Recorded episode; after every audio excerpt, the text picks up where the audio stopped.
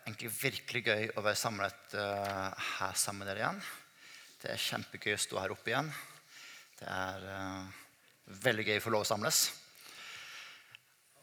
Og ofte, veldig ofte når jeg skal tale, så føler jeg yes, dette skal jeg tale om. Denne gangen har jeg søkt Gud, og skal være ærlig, så har jeg ikke fått så veldig mye. Så jeg, så jeg vurderte skal jeg ringe henne og si at nei, da har jeg ikke fått så mye. Men så tenkte jeg nei, men det er aldri feil å forsyne evangeliet. Så da tenkte jeg at dette har vi jo et, skikkelig eh, forsynelse av hva evangeliet. Om eh, friheten. Så jeg tenkte vi skulle gå i Galaterne og se på den kristne friheten.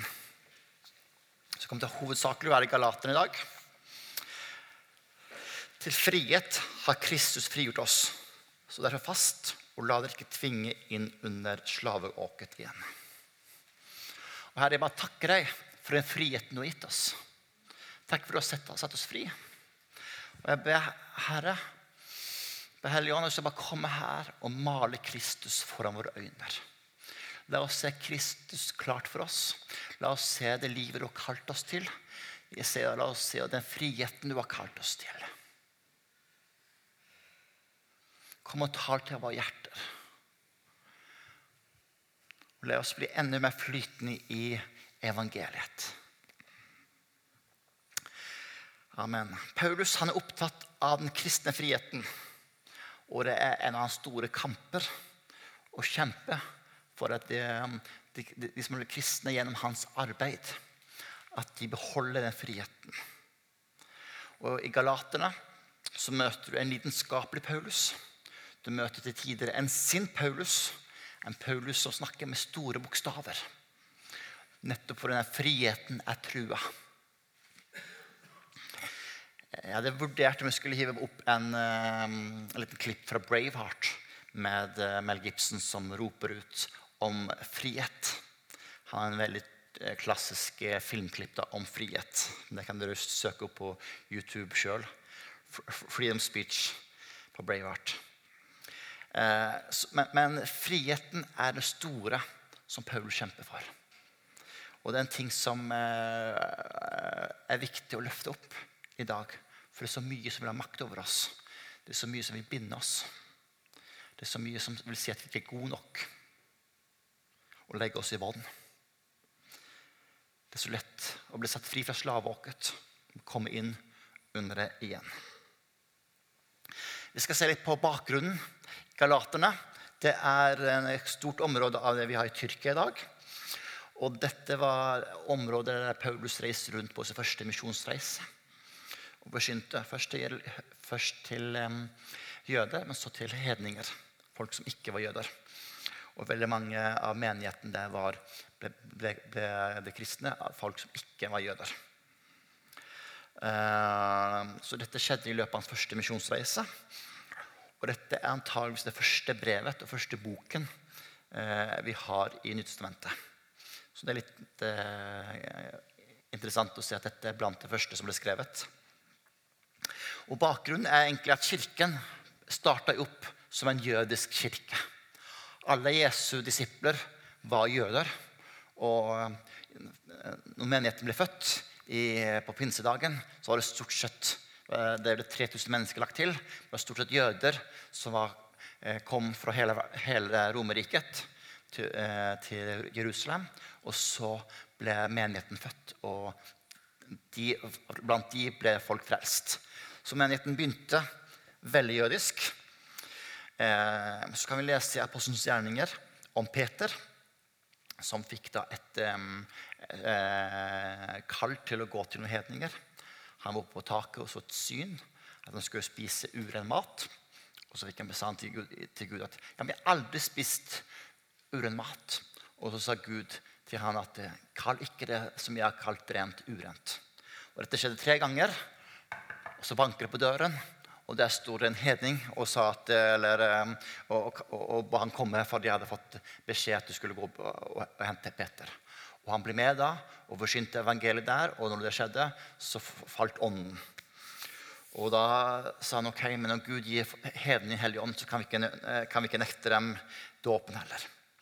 Så etter hvert så ble flere og flere hedninger innlemma i menigheten. Og det ble egne menigheter med hedninger. Så vi er jo ikke jøder, så vi er sånn sett hedninger. Så vi kunne egentlig kalt oss hedningssamfunnet. Men jeg tror noen aldri har, uh, har brukt den da, men Men da oppstår det store spørsmålet hvordan skal vi som hedninger, vi som er befrelst som hedninger, og podet inn i treet, hvordan skal vi leve? Etter vi er befrelst, trenger vi da å bli jøder? Det var noen få hedninger som på en måte ønsk, møtte Gud og ønsket å leve med Gud, og da ble proselytter. Dvs. Si at de på en måte levde som jøder for å lære, lære, leve nær Gud. Men måtte alle vi som er hedningekristne, bli det? Det er ikke et spørsmål for oss i dag, men det var et stort spørsmål i den første kirken. Trengte vi å bli omskjært, omskåret som jødene var? Trengte vi å holde hele loven? Og Paulus han hadde reist rundt og forsynt rettferdiggjørelse ved tro, ved, eh, ved nåde, uten gjerninger og reiste rundt og hadde sine misjonsreiser.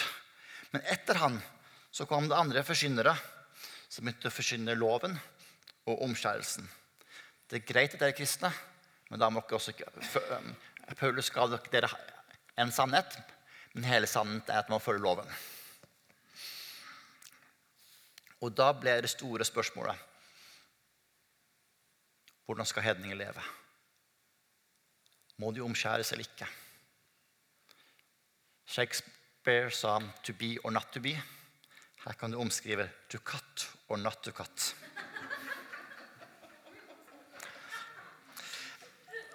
For, for, for, oss så er jo på en måte dette en litt absurd sak. Men i første kirken så var den store saken.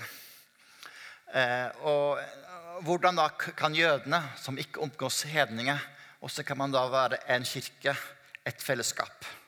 Hvordan kan man være ett når man har sånne ulike regler å forholde til? I jødendommen så var det så veldig stort med rent og urent.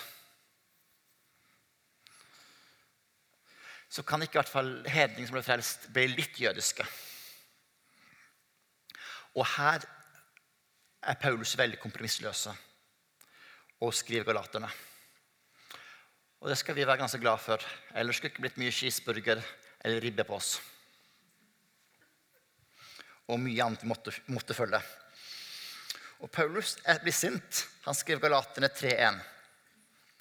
Uforstandige galaterne, hvem har forhekst dere? Dere som har fått Kristus, Jesus Kristus malt for øynene som den korsfestede. Dere begynte i ånden. Vil dere fullføre i kjødet? Har dere opplevd alt dette forgjeves. Disse andre forkynnerne hadde Jesus, men de hadde Jesus pluss, pluss, pluss. De ønsket å legge noe i, tillegg. Jesus var ikke nok. De måtte ha noen gjerning i tillegg.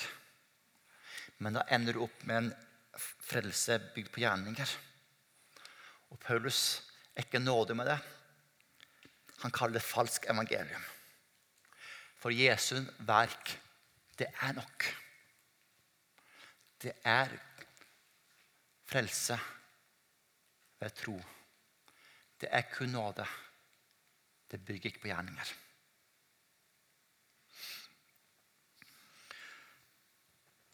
Og når man begynner med Jesus pluss, pluss, pluss, pluss noe annet, så ender du alltid feil er Jesus ikke hele frelsen, så ender han opp på ikke frelseren i det hele tatt. For å trekke litt frem i vår tid hva legger vi til evangeliet? Jeg må si det, jeg, jeg har aldri slitt med fristelsen om å la meg omkjøre. Men vi er frista til å putte på mye religiøsitet og pynte litt på frelse. Vi ser Jesus pluss, pluss, pluss, gode gjerninger. Et godt glansbilde. Å være god nok. Vi deler ikke eh, livet inn i rent og urein mat. Men det er veldig fort å dele inn livet i hvem som er innafor og utenfor. Vi lager våre ytre rammer, våre religiøse skiller, hvem som er gode nok, hvem som passer inn, og hvem som ikke passer inn. Jeg hadde eh, eh, en person jeg snakka med, som ble eh, kristen mange år, men som falt fra. Og jeg snakka med vedkommende som sa at um, jeg var så lei av å aldri være god nok. Jeg var så lei av alltid å gå rundt med dårlig samvittighet. Jeg var så lei av alltid prøve å bli bedre. Så jeg forlot for kirken til slutt. Og jeg ble så lei meg når jeg. For det er akkurat det det handler om at det ikke er. Og Paulus svarer galartene og argumenterer at det er ingen som er rettferdig i seg sjøl. Uansett hvor mye vi prøver eller lite prøver, så kommer vi aldri opp. Og alle er avhengige av frelsen, av Jesu verk alene. I Galaterne kan vi lese en litt interessant historie. Hvordan Paulus irettesetter Peter. Du skal ha litt mot for å irettesette Peter offentlig. Og det er litt interessant at uh, de kunne krangle godt også. Selv om de var um, inspirerte apostler, begge to. Og da ser vi Peter som har skjønt rettferdiggjørelsen. Og har skjønt at han kan være sammen med hedningene. Har skjønt at ingen er mennesker urene. Det har han skjønt. Så han er sammen med dem. Men så når det kommer fromme jøder fra Jerusalem, så trekker han seg tilbake og spiller et spill. Og eh, er ikke sammen med de hedne kristne. Så med hans forkynnelse så forsynte han at de var gode nok. Men med hans livsførsel så praktiserte han at de ikke var gode. De var ikke rene. De var andregrads kristne. Og da konfronterer Paulus dem, han.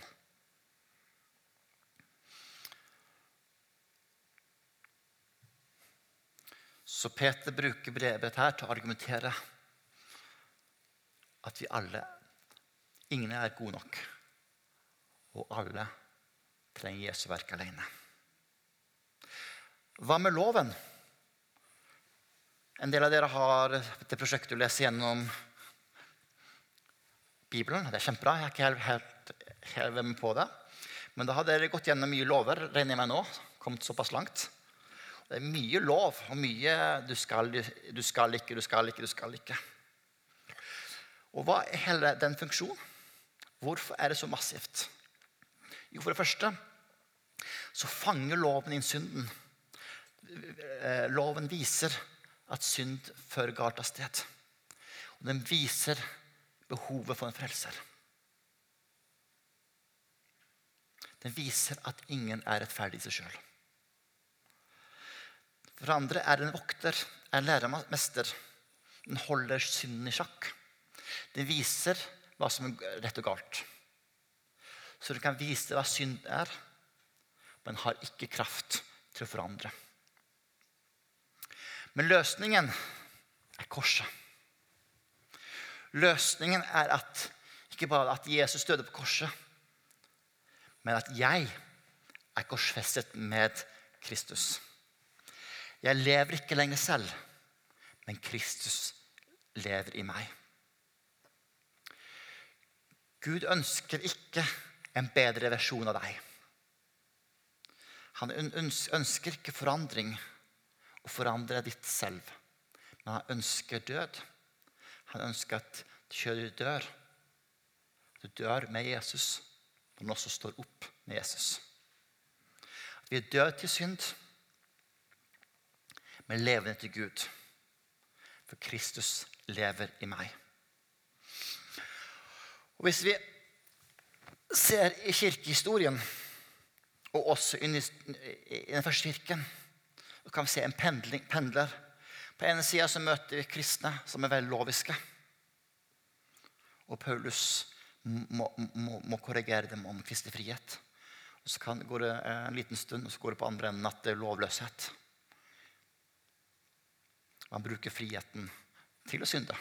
Og det er ikke det Paulus mener heller. Så det er mest som en mellomting mellom lo loviskhet og lovløshet.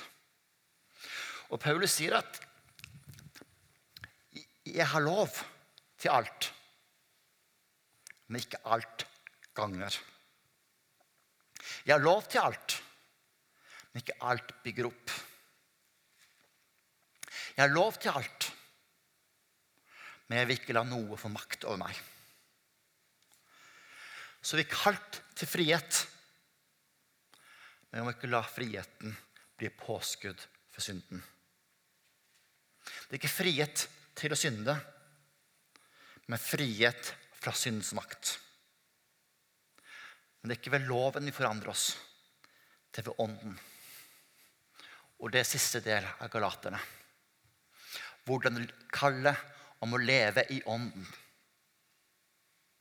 Og siden Paulus kaller om å leve i ånden, så har vi et valg. Ønsker vi å leve vanlig liv, eller ønsker vi å leve i ånden? Og Paulus bruker flere begrep her. Leve i ånden, bli drevet av ånden. Alle oss, Vi kjører alle bil. Og Hvis man har bensinbil, da har du en bil som blir drevet av bensin. For å lage et bilde, så Når vi da blir um, frelst, så blir denne bensinbilen den blir et nyskapning. Det blir ikke en ren elbil. Det blir en ladbar hybrid. Du har plutselig to motorer i deg. Før var du drevet av bensinmotoren, men nå har du to motorer. Du kan bli drevet av, av kjødet, men nå har du også mulighet til å kunne bli drevet av ånden. Og For å kunne bli drevet av, av strømmen så må du hele tida inn og lade. For å kunne bli drevet av Ånden, så må vi helt til velge å koble oss på. Koble oss på. Ha vår kraft der, i korset, i Ånden. Velge å bli drevet av Ånden. Vandre. For det er noe aktivt vi må gjøre. Vi må holde oss nær til Gud. Vi må plante vår røtter i Skriften. Vi må ta til oss næring. For en kamp mellom to motorene i oss. Det er åndens frukt på hennes side og kjødets gjerninger. Vi har et tre her, langt bak her. Så litt vistent ut. Men vi må velge å klippe av de døde greinene som fører til død, og få frem frukten. Hva tar vi til oss? Hvor har vi våre røtter? Hva må vi bekjære i livet vårt? Hvordan kan vi åndens frukt til å vokse frem? Og her har vi noe valg. Før vi ble nyskapninger, så hadde vi ikke noe valg. Da var det bare én motor på innsida. Men nå har vi fått en ny motor der. Den krever stadig ny strøm. Og når vi kobler på, når vi velger å gå i kilden når vi får røttene våre planta, så kommer frukt. Et epletrær må ikke streve. Må ikke si 'jeg skal det bære eple', 'jeg skal bære eple', 'jeg skal bare eple'. Men epletreet trenger sine røtter i god jord og en gartner som steller det. Og Da vil vi se kjærlighet, glede, fred, overbærenhet, vennlighet, godhet, trofasthet, ydmykhet og selvbeherskelse. Det er frukt som vokser frem når vi er plugga inn. Og Da blir det ikke en religiøs ytre endringer, men det blir vekst og endringer fra innsida.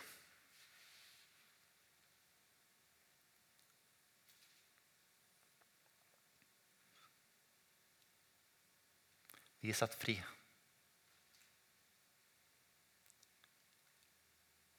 Til å være menneskene Gud har kalt oss å være. Til å være barn.